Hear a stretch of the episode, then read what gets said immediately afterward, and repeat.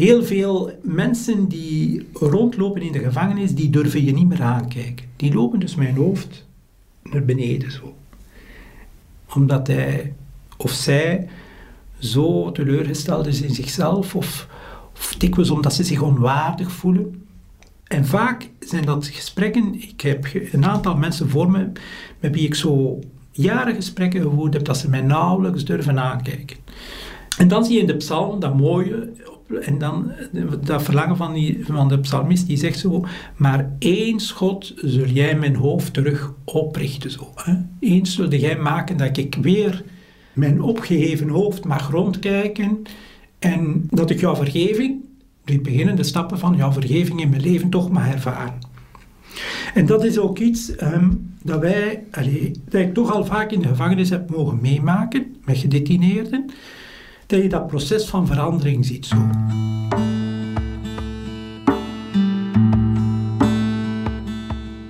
Leo de Weert brengt dagelijks heel wat uurtjes door in de Brusselse gevangenis Sint-Gilles. In vrijheid. Als hoofdalmoezenier bezoekt hij dagelijks gevangenen. Hij luistert naar hun verhalen. Waar gaan die over?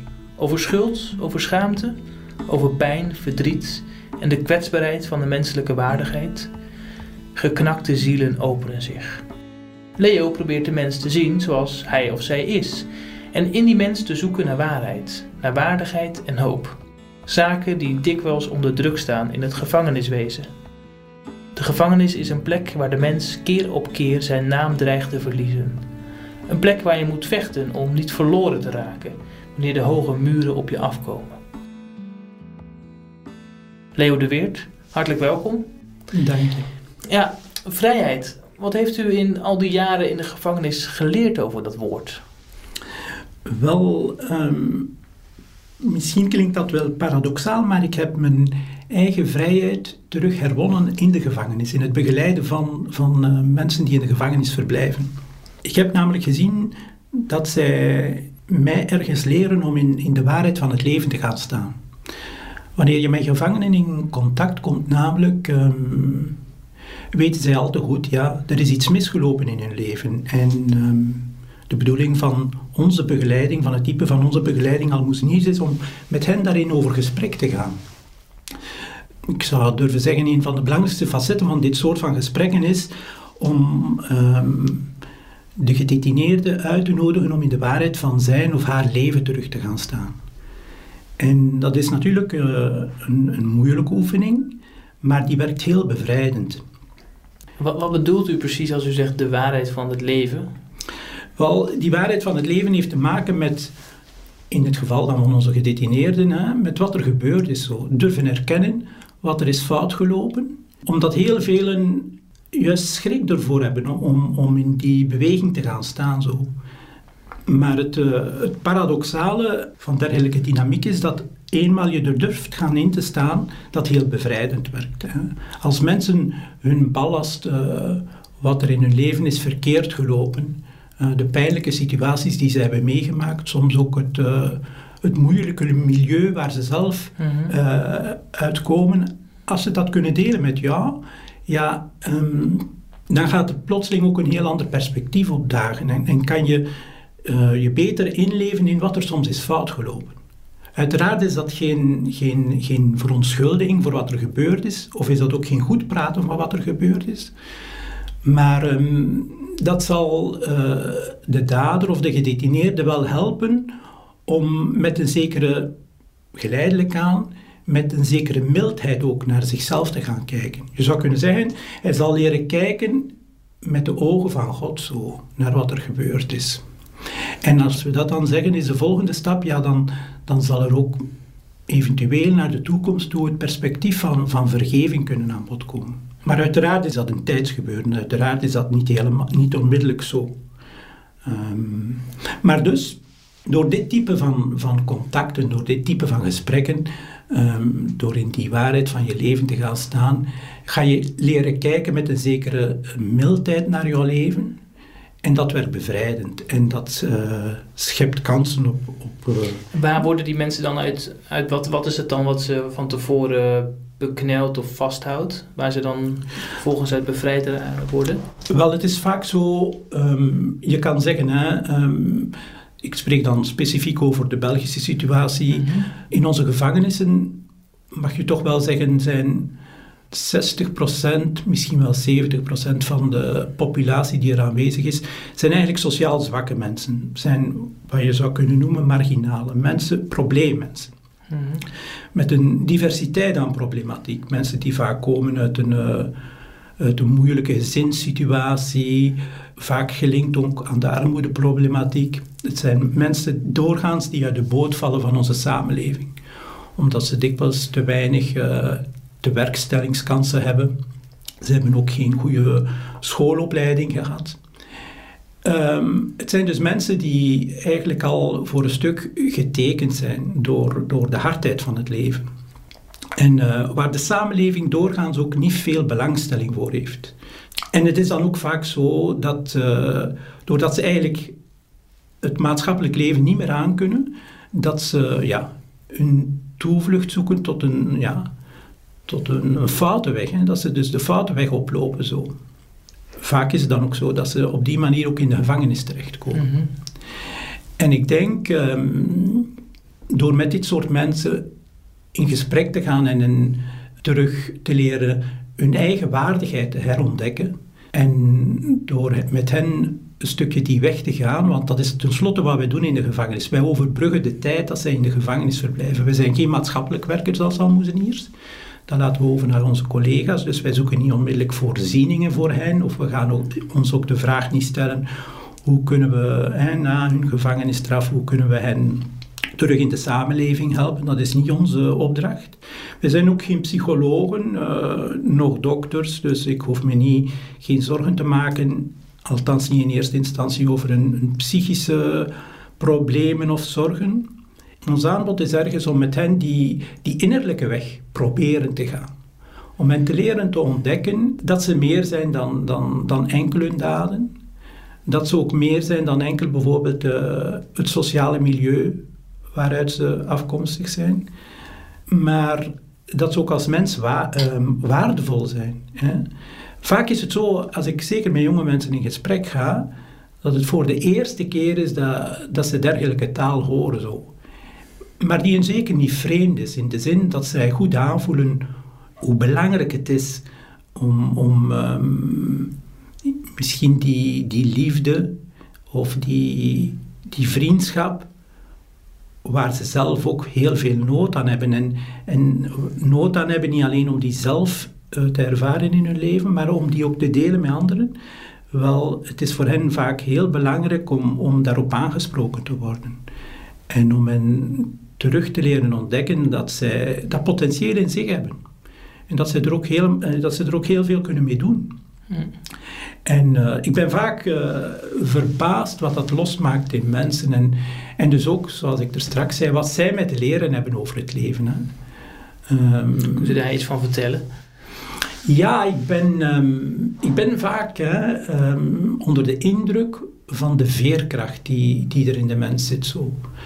Ja, ik kijk dan naar mijn eigen leven en ik vind mezelf heel verwend. Ik heb, ik heb altijd het geluk gehad van, van een mooi leven te hebben en, en, en een zorgeloos leven. En, en ik heb ook het geluk gehad van goede ouders te hebben en, en, in een goed milieu uh, te mogen uh, groeien en, en studies te kunnen doen. En als ik dan zie uh, wat sommige van mijn medetochtgenoten in de gevangenis al op heel jonge leeftijd hebben moeten doormaken aan aan mishandeling, aan, aan niet gewenst zijn. Uh, ook de, de wegen die zij zochten om, om weg te vluchten uit het leven, zo, door, door verslaving, door, door nutteloze relaties aan te gaan. Dan ben ik echt, uh, ja, dat stelt ook veel vragen aan mij, zo, en, naar het leven en naar de wereld van vandaag. En dus ben ik dan ook altijd um, onder de indruk als ik zie de veerkracht die, die, dat in hen zit. Zo. Zelfs al weten ze wat er misgegaan is en al beseffen ze maar al te goed, ja, als ze weer buiten komen, dat ze misschien terug in hetzelfde milieu terechtkomen en misschien zelfs in dezelfde fouten hervallen, dan zit er toch heel veel potentieel en veerkracht in hen om te zeggen, nee, ik ga deze keer toch wel anders proberen Ah, ja. te doen. Ik ga mijn leven proberen in handen te nemen. En dat is wat wij proberen in hen los te maken. We kunnen het natuurlijk voor hen zelf niet doen. Maar ik ben er vast van overtuigd dat mensen, ja, dat ze dat potentieel hebben. Dat, dat zie ik heel goed in iedere mens, steekt, die, steekt dat potentieel om, om, om iets te maken van je leven zo. En dat ziet u dan ook bij uzelf terug. Ja, dat herken ik dan ook bij mezelf. En vooral, eh, dat spoort mij aan om, om, om inderdaad eh, het leven ook serieus te nemen. En om er ten volle voor te gaan. Zo. Om er iets van waar te maken. Maar ook om er ten volle van te genieten. Hè. En dat geef ik ook aan de, aan de jongens en, en de vrouwen ook, die ik vaak ontmoet in de gevangenis, geef ik hen ook altijd mee. Zo. Uiteraard is, is werk belangrijk. Uiteraard is, is, eh, is een zekere eh, vorming belangrijk. Maar geniet ook maar van het leven. Mm. Hè? Het is ons gegeven en, en, en het leven is mooi zo. En dat is vaak ook iets wat zij terug moeten herontdekken. Hè? Ehm, ze hebben meestal zo'n moeilijke levensperiode doorgemaakt dat ze de schoonheid van het leven ook, ja, die dimensie helemaal uit het oog verloren zijn. Eh, dat genieten ook meer kan zijn dan enkel wegvluchten in, in een drugs- of een alcoholroes. zo. Ja. Ehm, en dat wil dan helemaal niet. Dat wil dan helemaal niet uitsluiten dat je niet meer mag drinken of dat je niet meer mag roken, maar het heeft te maken met de manier waarop Ja, dat je het doet en, en, en heeft het, eh, ja, is het een vlucht of niet. En, eh, ja, ja. ik geloof, ik, ik ontdek ook heel sterk, en, en dat, is, dat heeft dus ook nog iets te maken met wat, wat gedetineerden mij kunnen leren. Mhm. Wat ik in de gevangenis ook heb ontdekt tot mijn... eh, dat heeft voor mij als, als almoezenier is dat ook, dat ook heel bevrijdend gewerkt.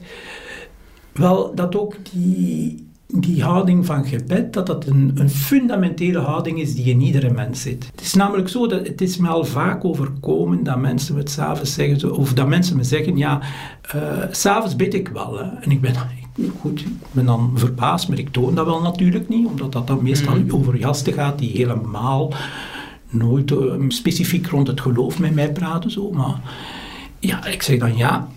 Ja, zegt hij, of ja, zegt zij. ehm, ik richt me dan tot het leven en ik vraag dat het leven me, me helpt. Zo. Tot sommigen durven zelfs de, term mysterie gebruiken. Ik richt me tot het mysterie en ik vraag dat het me helpt om de goede weg terug te vinden in het leven.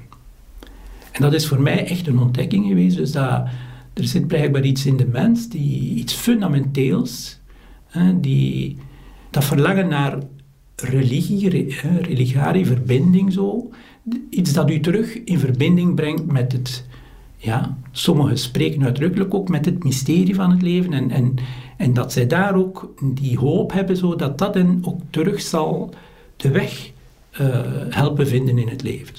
Het zegt ook iets over de gevangenis, denk ik. Want het, het lijkt mij eh, sterk, maar misschien eh, is uw ervaring anders. Dat dezezelfde mannen en vrouwen in het leven buiten de gevangenis s s'avonds op bed ook een gebed eh, uitspreken. Inderdaad, ja. ja. Wat zegt dat over de gevangenis?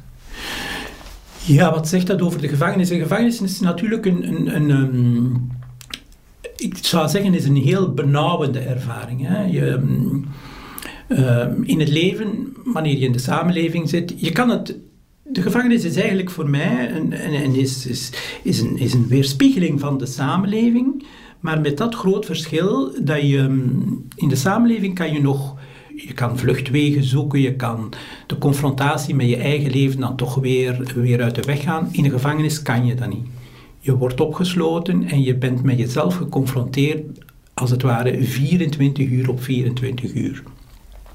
En dus, hoe ja, raar het misschien ook klinkt, maar heel die context ehm, verplicht je bijna ehm, om ook zo, ja, die confrontatie met jezelf aan te gaan. Zo. Je, je- en, en daar, eh, heel wat van onze gasten worden er ook, ja, krijgen dat op hun bord zo. En, en, en, en moeten, ja, moeten die confrontatie met zichzelf aangaan. En dat betekent natuurlijk, ehm, ja, voor sommigen is dat, is dat heel hard zo, omdat zij dat nog nooit gedaan hebben. Mhm. Dat zij buiten, dus telkens die ja, vluchten inderdaad in een roes van, van, van drank of drugs, gelinkt dan aan criminaliteit, om, om, om, om zich terug daarvan te voorzien. Ja, om te vergeten, om niet te kunnen om niet te hoeven kijken, niet onder de ogen te hoeven zien. Inderdaad. Het is natuurlijk, hè, ik zeg dat ook altijd aan, aan de kerels die ik voor mij heb. Hè. Ik begin duidelijk met te stellen dat het tragisch is dat ik ze hier moet ontmoeten. Zo, hè. En dat ik eigenlijk een beetje in hun plaats verlegen ben. Hè. Dus het is ook heel belangrijk, denk ik, dat we uh, ondanks dat een almoezenier een tochtgenoot wordt en een zekere vriend ook, mag ik wel zeggen, een vriend in, in geloof en een vriend in de Heer zo, begin ik toch altijd wel een stuk ook met mijn verontwaardiging uit te drukken, zo, met mijn verbazing, mijn teleurstelling.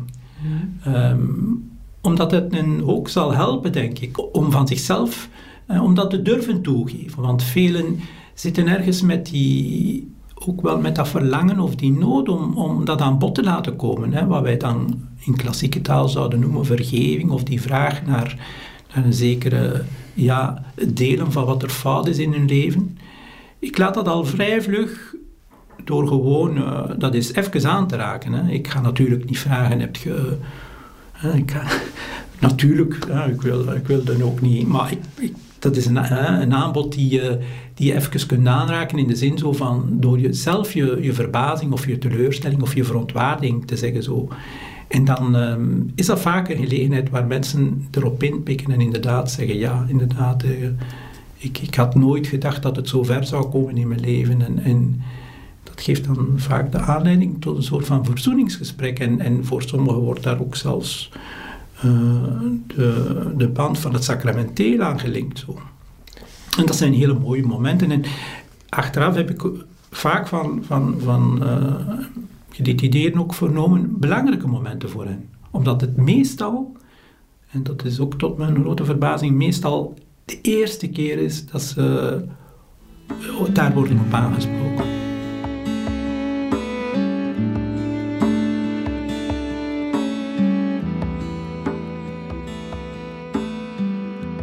Kunt u misschien een voorbeeld noemen van, uh, van, uh, van een verhaal van een gedetineerde dat u bij is gebleven, die, die lang moest zitten, die, die, die toch een, ja, iets heeft meegemaakt, zodat het een beetje concreet wordt wat ook dat herstel of vergeving zou kunnen betekenen?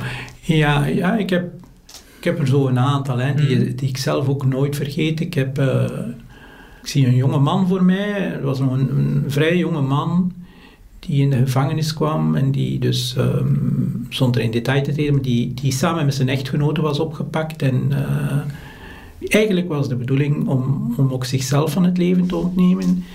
Um, dus het koppel had eigenlijk beslist om uit het leven te stappen als gezin.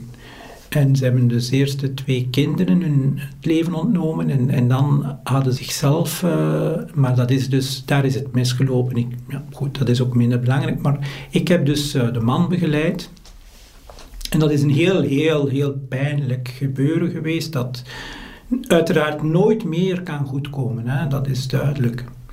Maar ik heb hem vele, vele jaren gekend. Hij is ondertussen nu is hij even uit vizier uh, verdwenen, zo, maar dat is bijvoorbeeld iemand die levenslang in onze gevangenissen zal verblijven, vermoed ik. En, um, maar al vrij vlug ben ik, uh, hebben wij een goede begeleidingsgesprek bijleidingsgesprekken kunnen opstarten. Zo. En um, al vrij vlug kwam er ook bij hem die, die vraag om herstel, om, om, om dat goed te maken. En, en, maar hoe kan je iets goed maken wat niet meer te herstellen valt? Zo, hè? Dat was de vraag. Zo, hoe, en en um, dan heb ik hem ook uh, eerst goed laten aanvoelen, later maar een aantal jaar overgaan. Man um, denk nu maar eerst eens voor jezelf hè, erover na. En, en, en, en geleidelijk aan in gesprek zijn we er dan toe gekomen.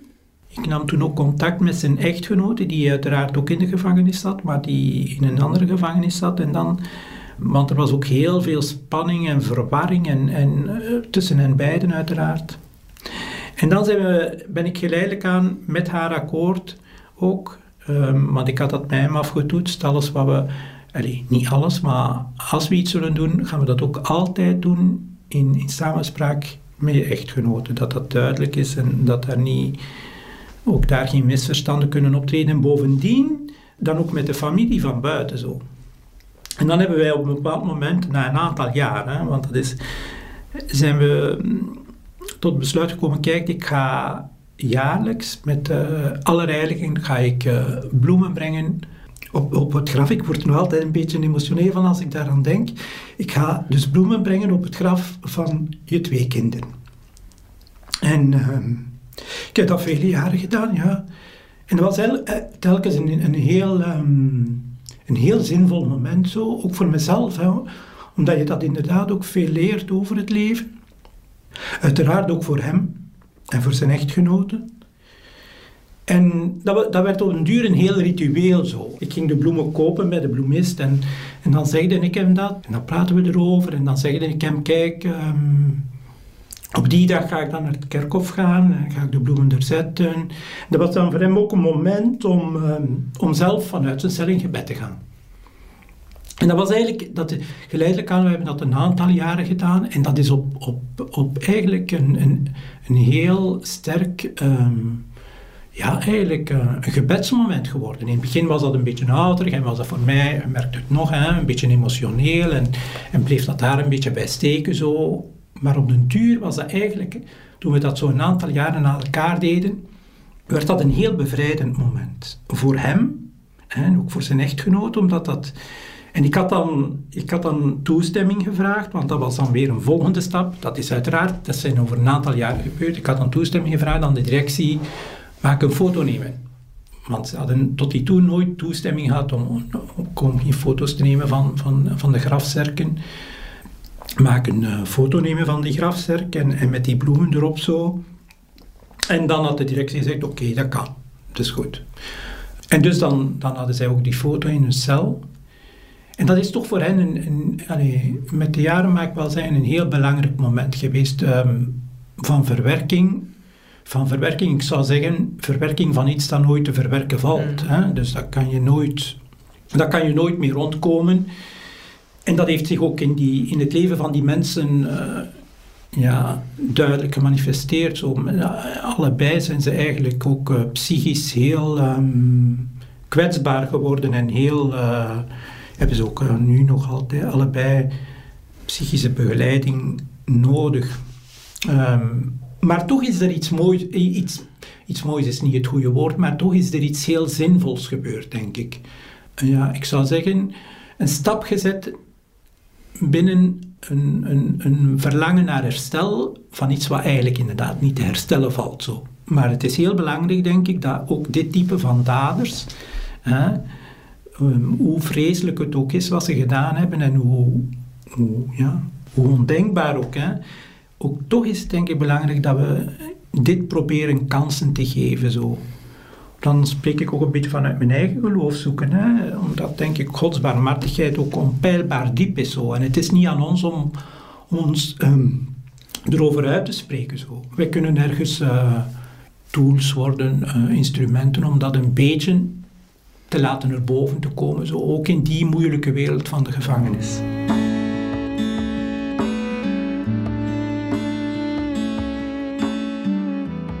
Zie er iets in van het mysterie van het leven die, die de mens nooit in de steek laat. Hoe, hoe diep hij ook valt of maar je kan het, je kan het ook um, losmaken van criminaliteit. Hè. Je ziet het ook in het lot van mensen, uh, people on the move, mensen die moeten wegtrekken, die hier in onze contraien komen, bikkelhard worden aangepakt, uh, behandeld als criminelen zo.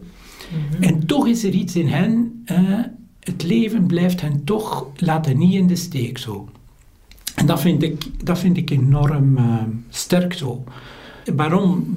Misschien is dat belangrijk, uh, ben ik er nog niet zo duidelijk over geweest. Waarom is dat zo belangrijk om mij om dat te hebben ontdekt in een gevangeniscontext? Omdat je dat laat beseffen dat wij fundamenteel als mensen gelijk zijn. En dat is heel belangrijk. Want nogmaals, terug binnen ons maatschappelijk gegeven, um, soms hebben we privileges, worden we door onze sociale mogelijkheden, door het milieu waarin we groeien, hebben we heel wat privileges meegekregen. En wanen we ons soms ook meer dan anderen. Hè? We, we, denken dat. Maar ik, volgens mij, um, fundamenteel zijn we allen gelijk. Zo. En dat zie je heel goed als je dan terugvalt in bijvoorbeeld in uh, in die gevangeniscontext. Want of dat je dan, hè, want die hebben we ook, hè, of dat je dan professor bent, of dat je dan arbeider bent, of dat je dan poetsvrouw bent, of directrice van een school, daar ben je echt, daar ben je fundamenteel gelijk zo. En, en um, daar heeft het leven ieder te bieden zo, wat hij als mens is. En, en, daar merk je, dat is voor iedereen gelijk zo. Ja, dat is toch wel een, een uh, heel sterke ervaring, denk ik. Dat is een heel sterke ervaring voor de, voor de dader. Uh, denk ik ook omdat hij of zij denkt dat zij die kans niet meer krijgt. En dat ze dikwijls ook die kans niet meer verdienen. Hè? Want we hebben heel wat van onze gedetineerden die vinden dat ze die kans niet meer verdienen. Hè? Laat me duidelijk zijn. Zo, dat sprookje, dat, ja, dat hoor je vaak. Als, als je in een gevangeniscontext werkt, dat mensen dan buiten zeggen, ja, ze zijn allemaal onschuldig daar. Dat is eigenlijk een, een, een sprookje, zo. Dat is een, een mythe, dat is niet waar. Mensen die in een gevangeniscontext leven, weten heel goed dat ze fout zijn en, en vinden vaak van zichzelf dat ze geen tweede kans meer verdienen. Mm. Wij gaan hen er juist op wijzen dat ze wel een tweede kans verdienen. Dat ze fundamenteel gelijk zijn en dat iedereen kan uh, fouten maken in het leven.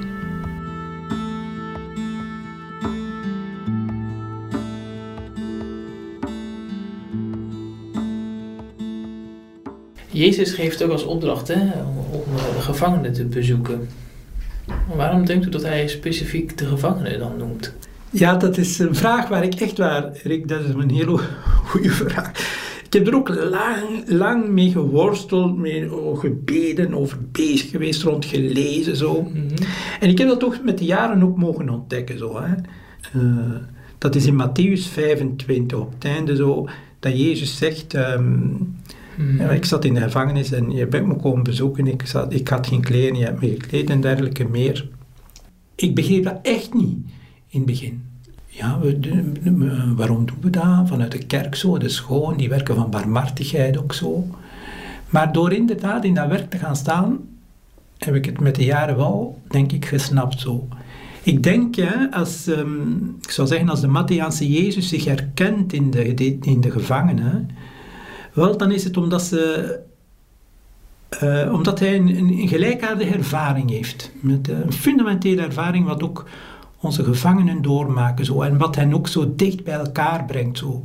En, en dat is denk ik ook het feit dat Jezus het lef heeft om hen voor God te brengen. En om, om voor hen dus te bidden, om een zekere solidariteit ook te vragen met hen, zo, die, van waar we toch kunnen weten, alleen vermoeden, dat ze serieus in de fout gegaan zijn. Wel, het is het volgende zo.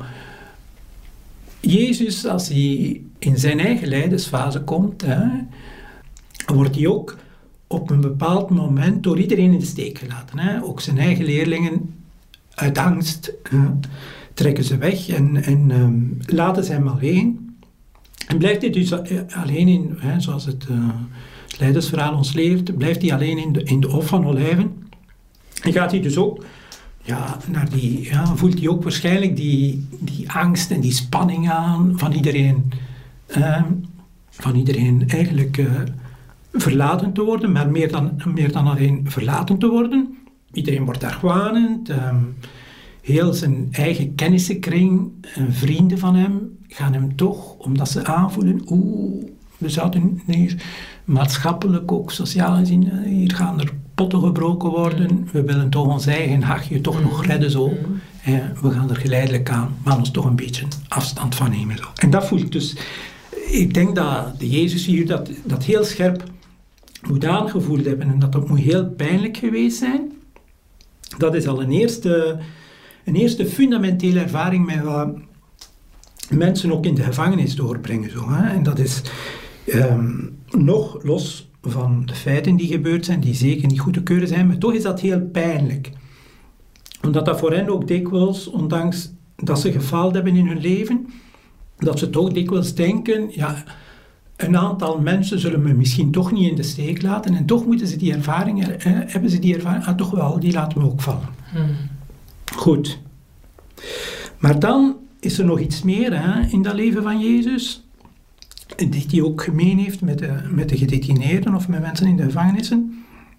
Dan ehm, komt hij aan het kruis en heeft hij die hele type ervaring, ook die heel pijnlijke ervaring, dat hij zich verlaten voelt door God zo. Mijn God, mijn God, waarom heb je mij verlaten? Dus op een bepaald moment moet ook Jezus helemaal getwijfeld hebben aan, aan, aan zichzelf, aan, aan zijn manier van waarschijnlijk God te hebben gezocht in zijn leven, ook, aan de manier waarop dat hij dat gedeeld heeft met de mensen zo. En dan roept hij dat uit, hè, mijn God, mijn God, waarom heb je mij verlaten zo? Die vraag blijft eigenlijk onbeantwoord. Hè. Er, komt geen, er komt geen antwoord. Er zal wel een antwoord komen na drie dagen zo. God zal hem bevestigen in zijn liefde en zal hem, uh, zal hem laten verrijzen. Maar die vraag komt maar na uh, een aantal dagen natuurlijk. En ook dat is dus iets dat um, gedetineerden heel scherp ervaren. Zo, hè. Um, die vraag dat zij zichzelf stellen, hè, mijn God, mijn God, hoe is het zo ver kunnen komen in mijn leven dat ik tot zoiets in staat ben? Hè? Ik had dat van mezelf nooit verwacht zo. Hè? En vele, vele van onze mensen zitten met die vraag. Hè? Hoe is het in godsnaam mogelijk dat ik zo'n afschuwelijke dingen heb gedaan? Hè? Zo mensonwaardig, hoe ben ik zo laag kunnen vallen? En ook daar moet ik vaststellen hè, dat, de vraag, dat die vraag vaak niet beantwoord wordt. Dus uh, die lijdensvraag, hoe paradoxaal weer van een, van een dader, maar die lijdensvraag wordt vaak niet beantwoord. Die blijft, en erger nog, die blijft, of we denken dat, die blijft, of hij denkt dat, net zoals Jezus waarschijnlijk kon het kruis, die blijft ongehoord zo. En die wordt wel uitgeroepen, die wordt soms vaak s'nachts in de cel uitgeroepen zo of gedetineerden zullen nu dat uh, persoonlijk soms uh, voorleggen. Maar wat is het antwoord? En dus dat is eigenlijk um, de reden waarom, denk ik, en waar, waarom wij, um, dus uh, gelovig zoekende mensen, waarom wij almoezeniers gevraagd worden om in dat lijden te gaan staan. Dus dat Jezus zich solidair stelt met, met dit soort van mensen is omdat hij, zich, omdat hij heel goed aanvoelt hoe, hoe diep dat die, die godsvraag en die lijdensvraag ook bij dit soort van mensen gaat. En ook die wil hij dus niet laten vallen. Zo. Ook die, met hen blijft hij solidair zo. Het is natuurlijk een heel moeilijke oefening. Hè? En vandaar ook denk ik dat we ertoe opgeroepen worden hè, vanuit ons geloof zoeken, vanuit, ons, um, vanuit de traditie ook van de kerk, om dit soort van mensen toch niet te laten vallen. Omdat ook daar, en dat geloven we dan uiteindelijk, dat ook daar God hun hoofd terug zal oprichten. Zo. Heel veel mensen die rondlopen in de gevangenis, die durven je niet meer aankijken. Die lopen dus mijn hoofd naar beneden zo. En vele gesprekken die ik heb, hè, gedetineerden, zijn gesprekken waarbij de gedetineerde me niet durft aankijken. Omdat hij of zij zo teleurgesteld is in zichzelf of, of dikwijls omdat ze zich onwaardig voelen. En vaak zijn dat gesprekken, ik heb een aantal mensen voor me met wie ik zo jaren gesprekken gevoerd heb, dat ze mij nauwelijks durven aankijken. Uh, of zo heel vlug is. En dan zie je in de psalm dat mooie, dat verlangen van, die, van de psalmist, die zegt zo, maar één schot zul jij mijn hoofd terug oprichten. Zo, hè? Eens zulde jij maken dat ik weer mijn opgeheven hoofd mag rondkijken en dat ik jouw vergeving, die beginnende stappen van jouw vergeving in mijn leven toch mag ervaren. En dat is ook iets um, dat wij, dat ik toch al vaak in de gevangenis heb mogen meemaken met gedetineerden, dat je dat proces van verandering ziet zo. Dat je ziet hoe mensen, hoe zij eerst helemaal te neergeslagen en te neergebogen, ineengekrompen, ook fysiek soms helemaal niks niet meer waard. Hoe ze toch geleidelijk aan, door hen een beetje menswaardigheid te geven en door met hen terug in gesprek te gaan en door hen laten aan te voelen, ondanks alles blijf je mens en ben je, verdien je een tweede kans en maak er meer werk aan en onderschat jezelf niet. Je hebt mogelijkheden, wel dan kan je dat proces van dat dat hoofd eenmaal terug zal omhoog gegeven worden en, en ook met ondersteuning van, eh, van gebed en, van liturgie, dan zie je dat proces zich toch wel ja, af en toe voltrekken ook zo. En dat is heel mooi, hè? dat is heel mooi.